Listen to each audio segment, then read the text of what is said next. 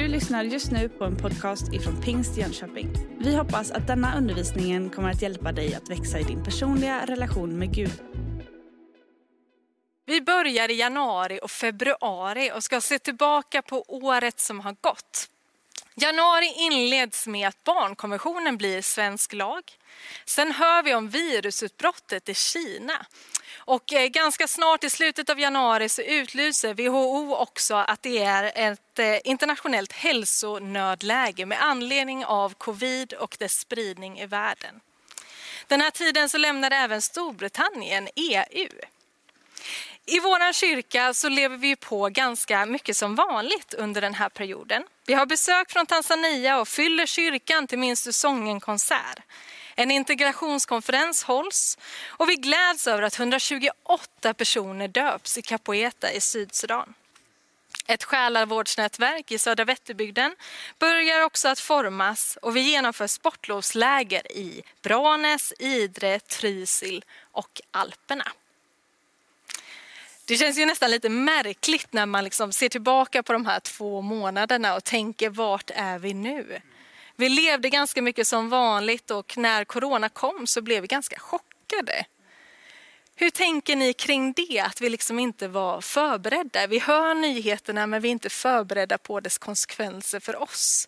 Och detta att leva med det profetiska perspektivet. Vad tänker ni kring det? Nej, men vi har ju levt så många år. Alltså, Sverige är ju ett land som är förskonat från krig. Eh, det var länge sedan som vi var med om riktigt traumatiska händelser som har på något sätt berört hela folket. Så, så det, det finns liksom inte riktigt i vår ryggmärg att jobbiga saker drabbar hela landet. Så jag tror att vi, vi blev otroligt överraskade. Och liksom någonstans så följde man ju det där fladdermusviruset från Kina. Liksom, made in China, det går över snart på något sätt. Det, är liksom, ja, men det, det, det kommer inte komma hit. Så det, det var någon slags, det var någon slags distans. Så Kanske en, en viss vana i att vi följer nyheter på det sättet. Alltså vi hör om saker som sker i andra delar av världen men tänker liksom inte att det drabbar oss. Någon annan tanke? Ja, men jag tycker att det var liksom... Just den här distansen var så sjukt tydlig. Man tänkte jag aldrig att det där skulle vara någonting som kommer närmare.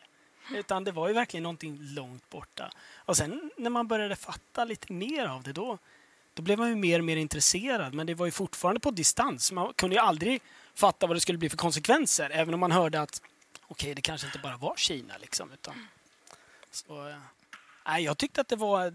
Det är, ju, det är ju märkligt att titta tillbaka på någonting med facit i hand och man tänkte, men vad, kunde vi inte ha läst det där tidigare? Men det...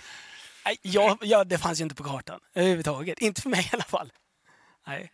Det är nästan lite komiskt att vi skickade ett sportlovsläger rakt in i Alperna. Så här i efterhand kan man känna, ja, kan, ja.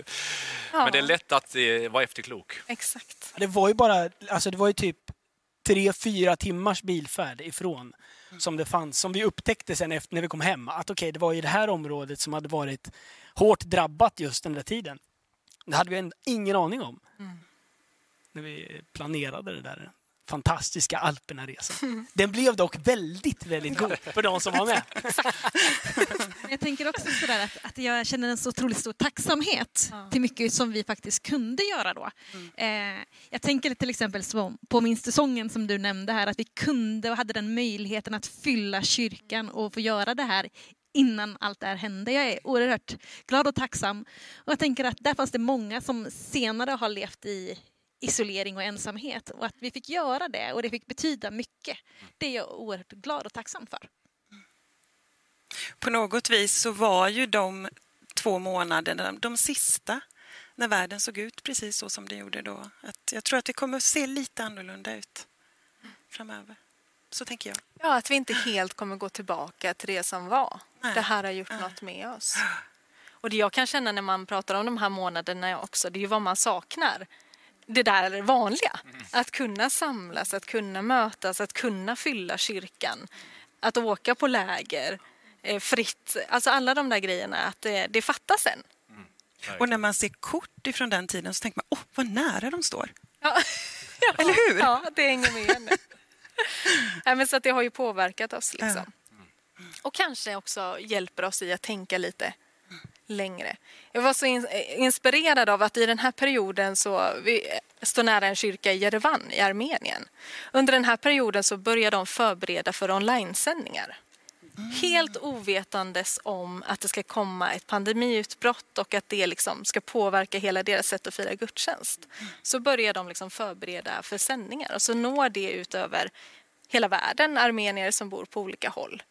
Men den där också tycker jag kan utmana mig lite. Men vad viskar Gud till oss i allt det som är vanligt? Hur liksom spetsar vi öronen på att vara beredda att liksom göra någonting utan att veta varför alltid eller varför är det nu eller liksom. Det där kanske också är någonting som vi bär med oss. Jag funderar så här, man kan, kan man lyckas höra allting i förhand eller inte? Alltså jag vet inte om Gud tänker att han vill berätta precis allting för oss i förhand. Men nog önskar man att man kanske så här i efterhand mm. så hade jag gärna haft mer tid till att lyssna in ifall jag skulle ha hört någonting. Mm. Samtidigt så tänker jag att Gud, om Gud vill förbereda en sån här sak då talar han också väldigt tydligt och skarpt till många runt mm. omkring mm. en. Sen tror jag också att ibland så eh, behöver Gud också, eller jag behöver komma in i någonting som är totalt oförberett. Det är jag totalt omedveten om det och mm. inse hur otroligt beroende jag blir av mm. Gud i det där läget. Mm. Så jag tror att det finns liksom en, en dubbelhet i det där. Eh, I det mänskliga men också i det gudomliga på något vis. Kommunikationen, hur mycket berättas, hur mycket vet, hur mycket vet man, hur mycket har man möjlighet att påverka. Ja. Och samtidigt så är vi inte i efterhand än. Utan vi är ju fortfarande mitt i. Ja, så, eh, så perspektivet efterhand vet vi inte riktigt än. Vi är någonstans fortfarande mitt i, mitt i stormen. Men det Gud har lovat det är att han är med oss mitt i stormen också. Och det innebär att han är med oss idag. Mm. Och det är tröstrikt. Mm. Och med de orden tänker jag att vi summerar ihop den här första perioden och så går vi vidare till nästa.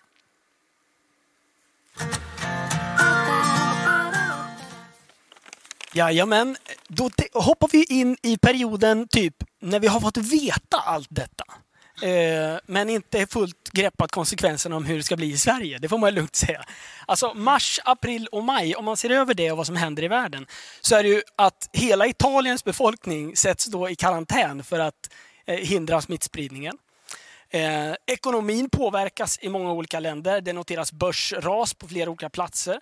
Eh, till följd av coronautbrottets påverkan. Världshälsoorganisationen eh, klassar utbrottet, utbrottet som en pandemi. Eh, och det första ehm, dödsfallet i Sverige på grund av corona bekräftas samma dag i Sverige.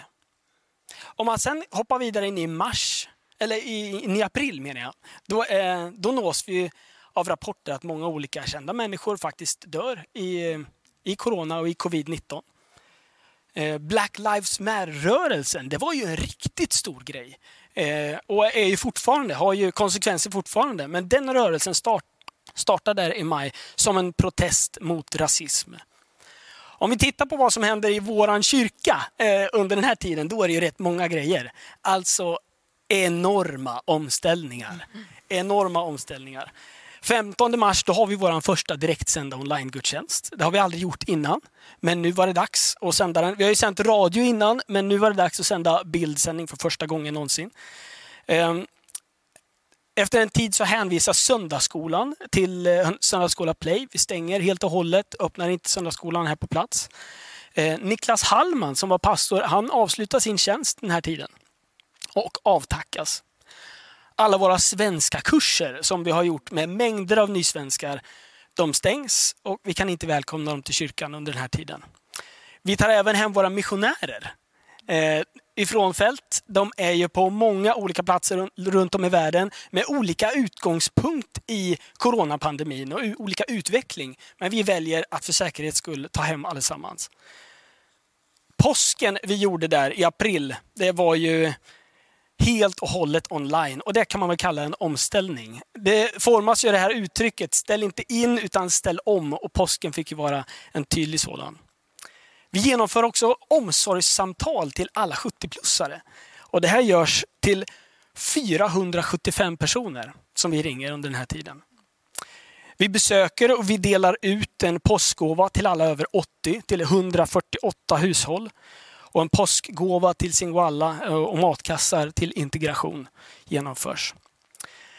Ekonomin blir ju en osäkerhetsfaktor i eh, den här eh, eh, tiden just för att nöden blir större och vi inte vet hur det här kommer påverka Sverige. I maj månad då genomförs också, eller då sätter vi igång permitteringar för personalen i kyrkan. Ja, procentuellt sett nästan helt och hållet liksom påverkas all personal av detta. Och sen så genomför vi troligtvis tidernas första, förhoppningsvis enda, totalt digitala årsmöte. Eh, som vi försökte oss på där med allt ifrån röstningar och det tog en evinnerlig tid och allt möjligt. Men vi gjorde vårt bästa. Jajamensan. Alltså, den här tiden är ju full av omställningar. Det offentliga, eller det eh, gudstjänstrummet som brukar vara för de som är på plats här i kyrkan. Det blir ju helt och hållet offentligt i den här tiden. Alltså Anna-Kajsa, minns du den här tiden? Omställningen, lovsångs... Jag tänker så här. Ja, du minns väl den? Alltså, tydligt och klart. Tydligt och klart. Ja, men jag tänker det här, lovsångsteamen de får ju börja sjunga för en tom kyrka. Och sjunga rakt in i en kamera. Hur gick det för dig? Eh, eh, men det här är ju oerhört märkligt och det är ju inte så här man vill ha det. Det får man ju vara ärlig och det är jättekonstigt att inte se någon respons i rummet. Eh, det, man ser inte vad Gud gör. Det gör man ju inte alltid annars heller. Men man kan ändå liksom ana att Gud verkar i rummet och jag ser att människor ber tillsammans. Jag ser att människor är med i lovsången eller i hängivenheten eller vad det nu är. Nu får jag bara lita på att Gud gör någonting som jag på andra sidan kameran som jag inte ser. Eh, och hur gör man? Hur leder man i lovsång när jag inte ser dem jag leder? Det är jättesvårt och märkligt. Så de här omställningarna, ja jag minns dem och det var ganska omtumlande för oss allihopa tror jag och svårt. Hur ska vi göra?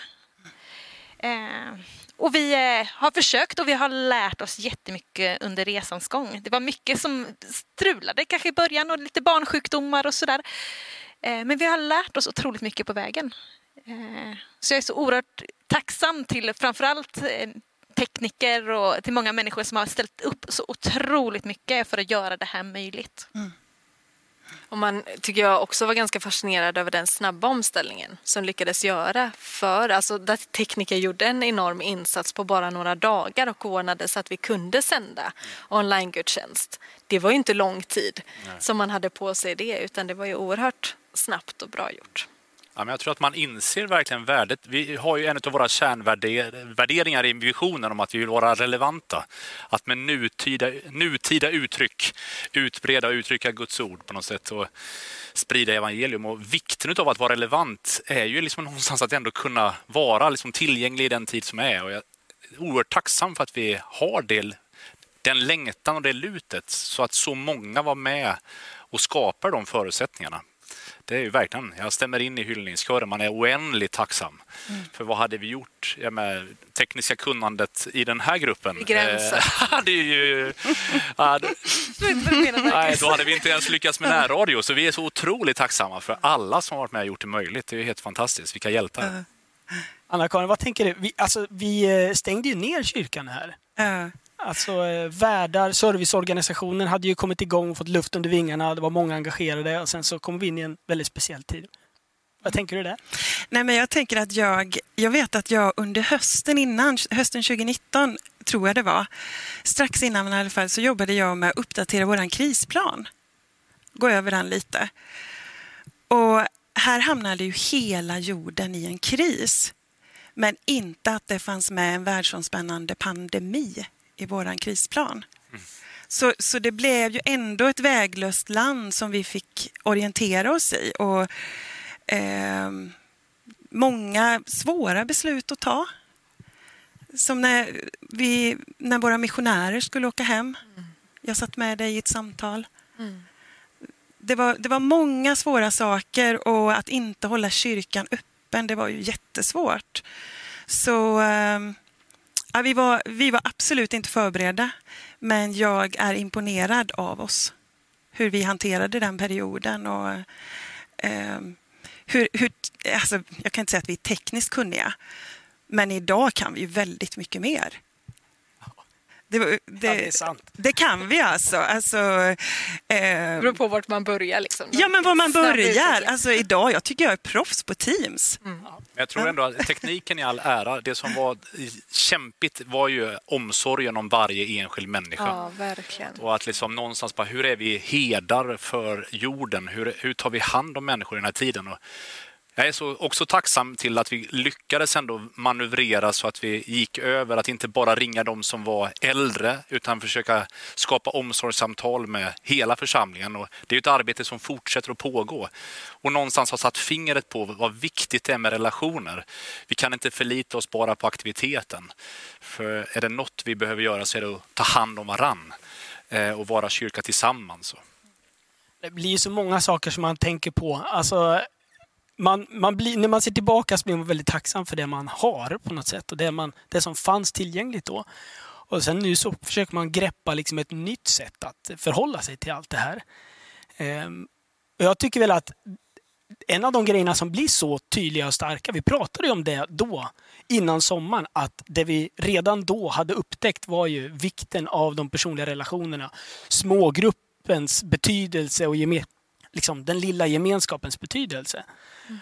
Och det tycker jag har blivit en, liksom, inte bara en aha-upplevelse utan ett obs, obs med utropstecken efter utropstecken.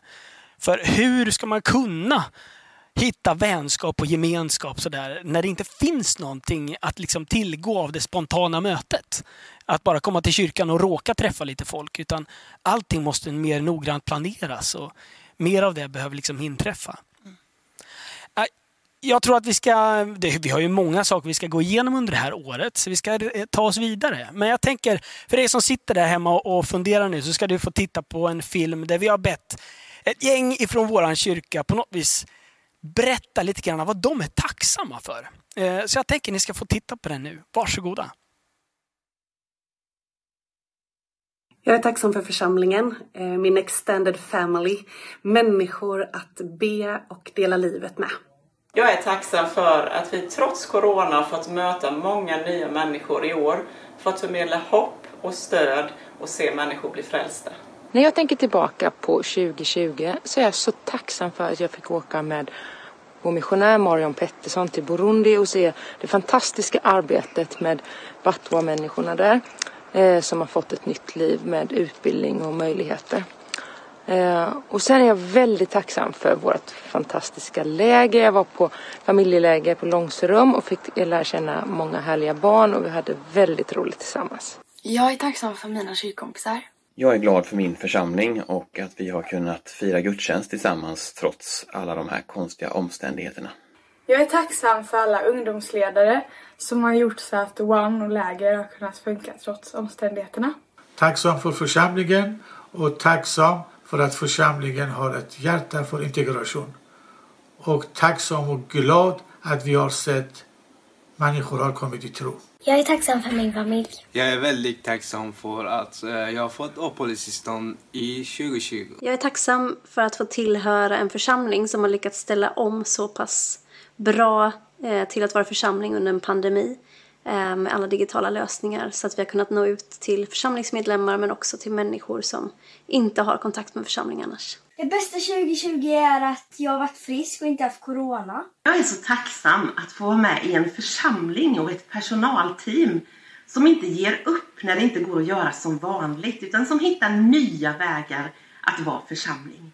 Och jag är tacksam att vi under det här året faktiskt som, som personal har kommit närmare varandra och som församlingsledning och att vi är mer rustade med en gemensam vision inför det som ligger framför.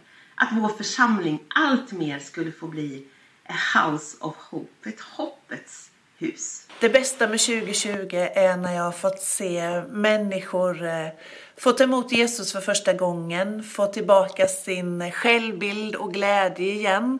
När de hittar en gemenskap, får nya vänner, när de lämnar ett beroende ja, men allt det här som gör någonting med människors liv så att de får tillbaka den här gnistan och glädjen i ögonen igen. Det är det bästa med mitt jobb. Jag är tacksam för sommarlägret som var i somras. Jag känner tacksamhet över att vi mitt i och trots alla omständigheter har fått möjligheten och friheten att få vara och vandra ute i naturen.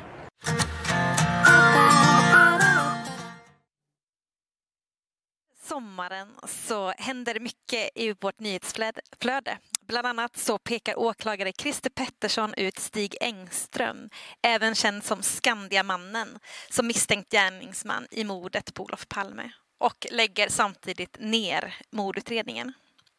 I augusti så nås vi av nyheterna att explosionerna i Beirut inträffar där 5 000 skadas.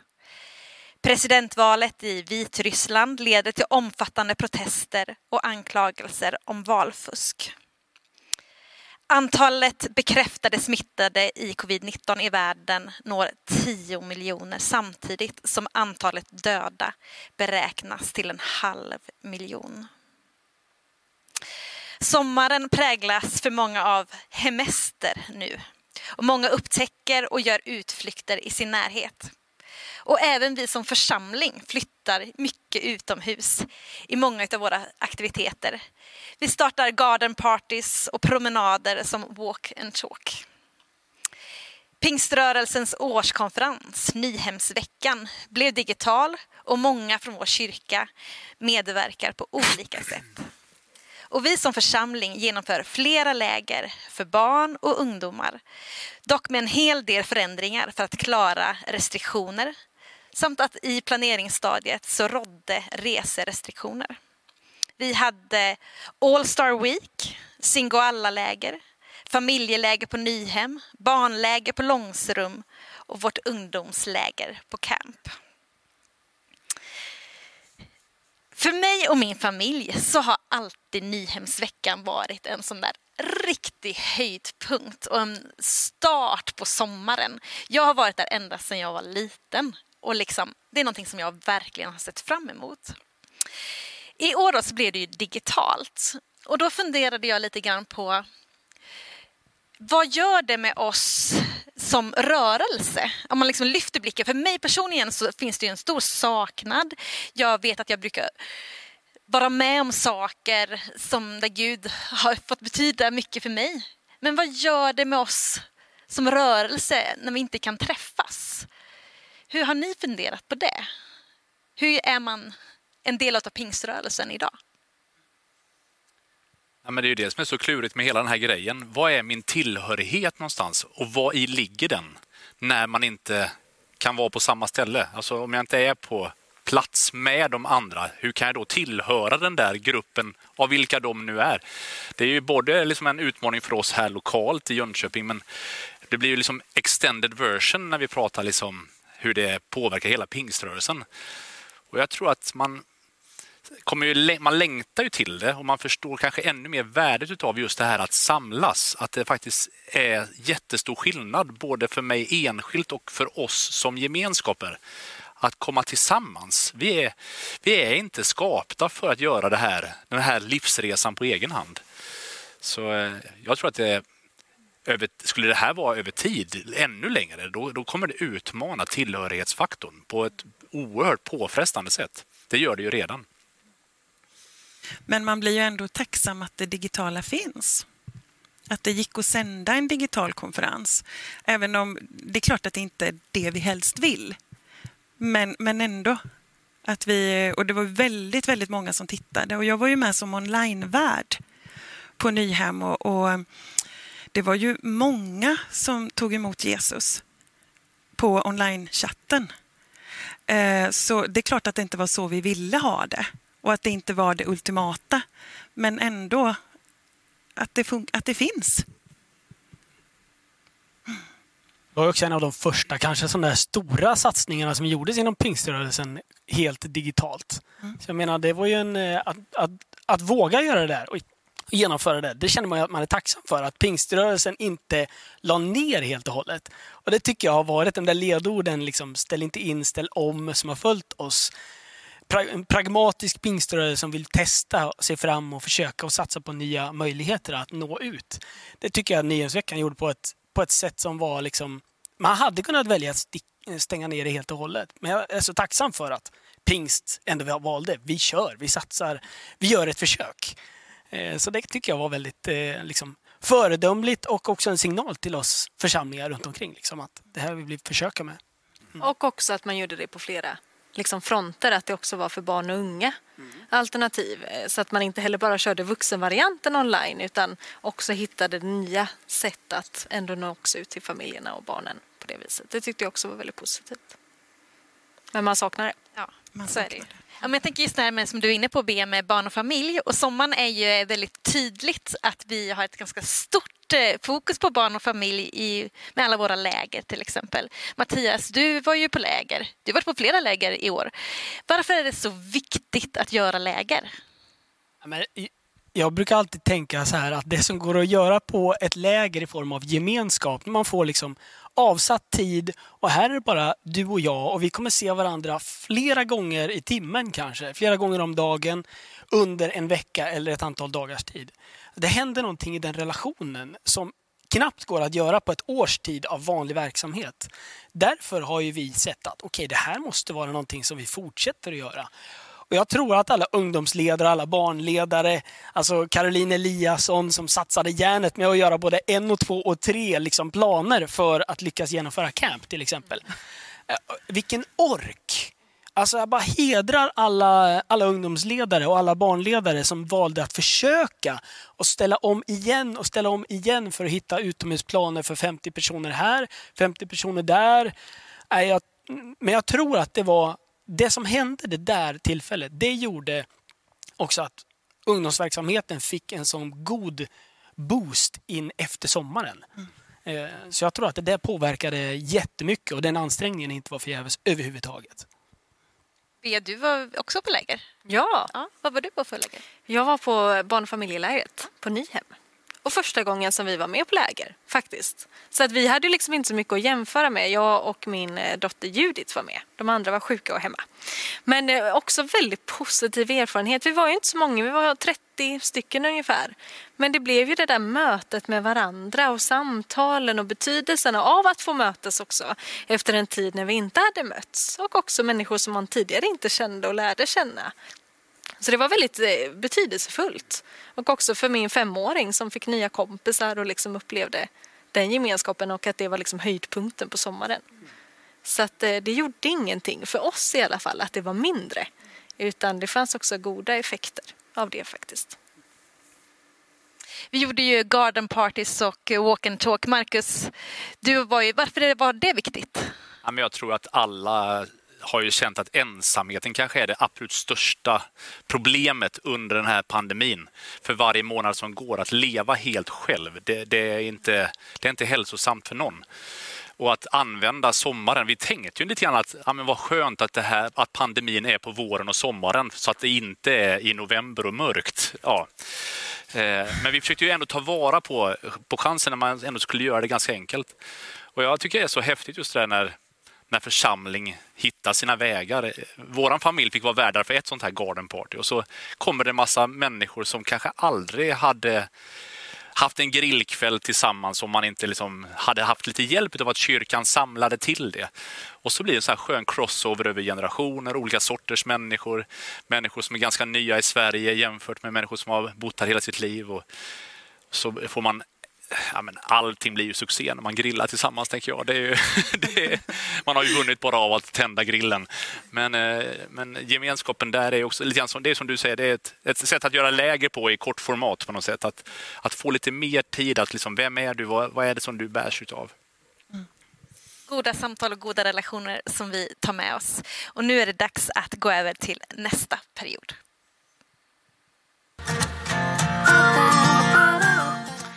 Ja, september och, och oktober präglades ut av att hela samhället nu börjar öppna upp efter att någonstans vara på väg liksom ut ur någonting. Men det är lite fram och tillbaka. Media speglar detta i lite olika riktningar och nästan varje nyhetssändning är uteslutande om corona. Samtidigt så ökar spänningen nere mellan Azerbajdzjan och Armenien och ett nytt krig börjar ta fart. Och de där oroligheterna spänner i hela Mellanöstern. Det blir inte mindre dramatiskt när man i mitten av oktober så är det, drabbas Paris återigen av ett terrorattentat när en historielärare eh, av terrorister blir av med livet. Så att det är någonstans både och i världen på mediamässigt. Men här i kyrkan så präglas ju mycket den här tiden av att vi öppnar upp, vi är tillbaka efter sommaren och vi liksom njuter av att söndagsskolan drar igång och nya teamare kommer och ALT-studenter kommer och vi förbereder för att bli 500, nej kanske 300 eller nej men det kanske blir, fe- nej det blev faktiskt 50 eller nej nu blev det ännu mindre.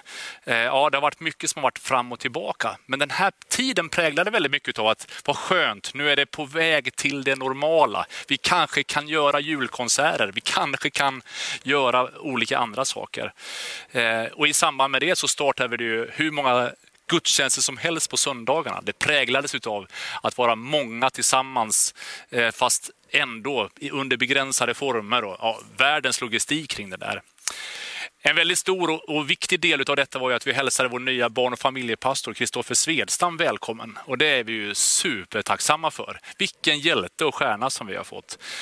Och sen är det ju härligt att vi ser mitt i pandemin eh, hur vårt unga vuxna-nätverk under den här tiden lyckades ändå samla ganska mycket av nya studenter och flera samlingar där, när man fortfarande kunde vara, så kunde de eh, samla över 100 personer i lite olika konstellationer. Så att det var fantastiskt mycket gott. Det är under den här tiden som vi ändå påminns om väldigt mycket lärdomar från våren.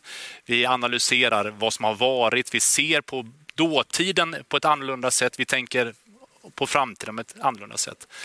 Men jag tänker om vi skulle liksom ändå zooma ut från det lokala och titta in i det internationella så är ju den situationen som är i Armenien och i hela Kaukasus, eh, den gör ju det oerhört brännande för oss att någonstans inte bara se om vårt eget hus. Utan vad är kris egentligen? Är det att inte få handla på A6 eller är det när bomberna faller?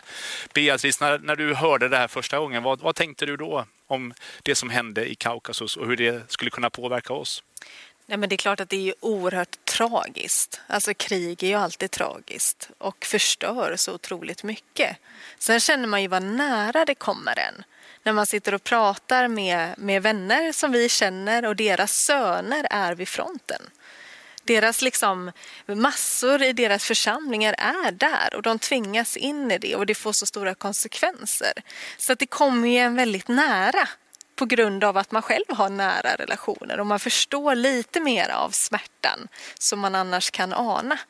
Och också att det känns självklart att vi har ett ansvar att hjälpa till med det vi kan. Och det var ju hela den här liksom coronatiden när man kände nu ska vi spara in för vi vet inte konsekvenserna och så känner man att nöden blir större. Ja, men att, att ändå orka sträcka sig lite och försöka se ja, men hur kan vi vara med och hjälpa till. För det där perspektivet har jag tyckt har varit värdefullt hela vägen i att se att ja, men vi kämpar men vi har också något mer att spegla oss mot. Vi har bröder och systrar att spegla oss mot som går igenom samma saker ibland. Med corona har ju varit lika. Kriget var ju liksom där och påverkade dem väldigt mycket. Men vad nyttigt det är att leva med perspektiv. Mattias, du har ju varit i Armenien också. Hur tänker du kring liksom det som hände där? Hur påverkar det din syn? Men det är som Bea säger, när man har relation till en plats eller människor på plats så blir det ju så mycket närmare. Man kan se de där gatorna framför sig, man kan se människorna framför sig, man har möjligheten att prata med de som faktiskt är på plats och kanske befinner sig i närheten av det här. Så det kommer ju nära och det blir lite mera... Ja, det, kom, det kommer nära bli lite oroligt på något sätt. Eh, Även eh, fast man vet att det, det, är långt borta så finns det kanske en närmare känsla och engagemang på något vis som känns djupare än bara att titta på en nyhetssändning. Ja, men man såg det under våren när Adam Alsing drabbades av corona och hela det tragiska som följde i det spåren. Det var ju som att alla siffror fick ett ansikte. Och det är lite grann så med sådana här situationer också att mm. det kan vara namn. Vad är, vad är Azerbajdzjan? Det kan ju låta helt liksom bara långt bort i stan namn. Eh, men när man börjar lära känna folket så händer någonting mera. Och det är väl det som är en utmaning för oss som kyrka. Att alltid leva väldigt nära med en global vision. Att de, det som är vårt missionsarbete internationellt inte blir bara vi skänker pengar till dem där. Utan att vi, liksom, vi söker gemenskapen och bönen. Men i den här tiden så ska vi vara i vår egen lilla bubbla. Anna-Kajsa, du är ju småbarnsfamilj också. Vi ska ju, man ska ju verkligen vara i sin egen lilla sfär på något sätt. Men hur, hur tänker du kring att någonstans ha omtanke och faktiskt göra skillnad för andra människor i andra länder och inte bara se till den lilla närmsta innersta cirkeln? Ja, men det där är ju otroligt utmanande för ibland så kan man ju vara liksom, nej men vi har ganska mycket här. Mm. Eh, men också att, att lära sig och barn som, att uppskatta också det vi faktiskt har. Nej, men vi lever i ett land som är i fred. Vi har tak över huvudet, vi har möjlighet att eh, få mat på bordet och att tillsammans också uppskatta det. Det sätter lite perspektiv på min egen verklighet och min egen vardag. Och utan att förminska den oro som jag också kanske kan känna mm. eller som mina barn kan känna eller vem det nu är som är i min närhet. Men jag tänker att vad viktigt det är också att ta del av information. Eh, jag, kan, jag kanske inte känner lika många där till exempel, men jag kan fortfarande vara med och bidra ekonomiskt och ta del av information och liksom engagera mig på olika sätt. Mm. Under den här tiden så blir ju ljuset mer frånvarande, mörkret börjar komma, det blir mörkare på kvällen. Eh, och jag tror aldrig jag har sett någonting liknande förut när så många på gatan och i kvarteret börjar julpynta långt innan vi är nära första advent. All, alla utebelysningar och adventsljusstakar börjar liksom sakta men säkert hitta sina platser. Och så börjar vi förändras för en ny tid. Låt oss titta vidare in i avslutningen på det här året.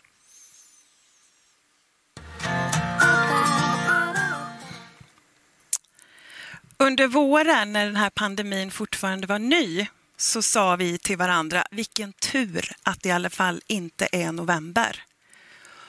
Och så är vi till slut inne i november och med november så kommer en ny våg, en andra våg som blir större än den första från i våras.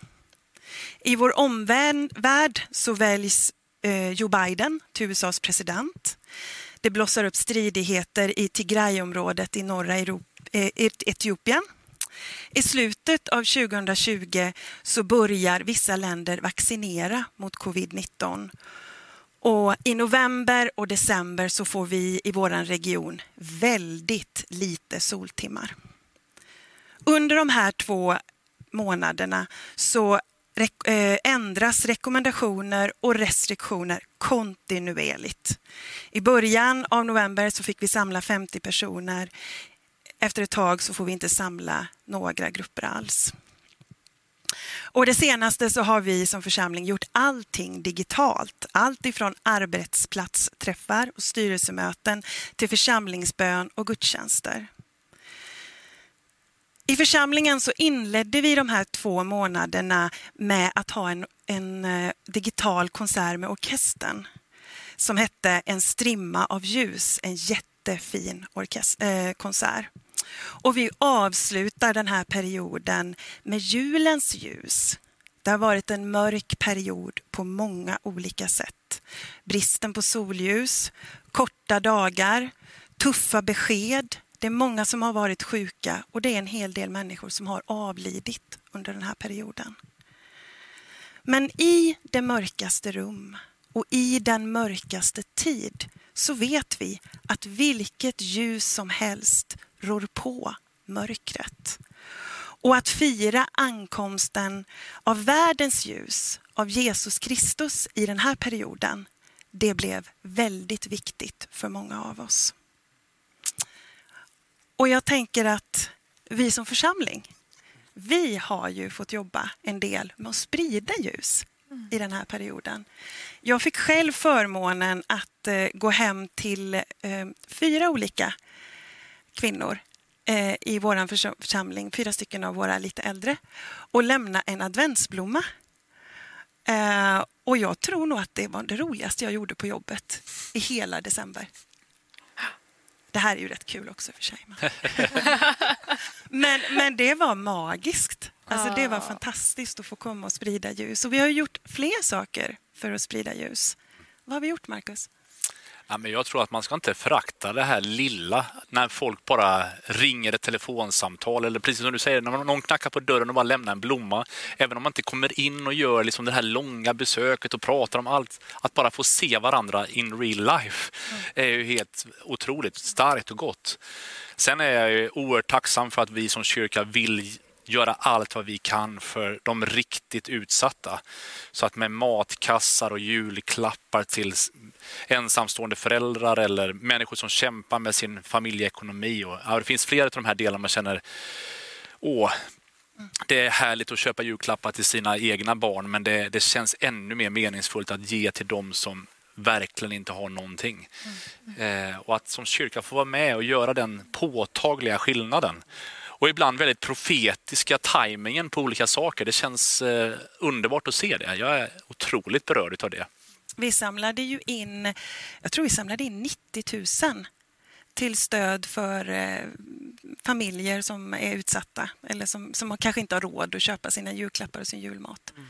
Det är jättekult. Det är fantastiskt. Ja. Hur kan vi...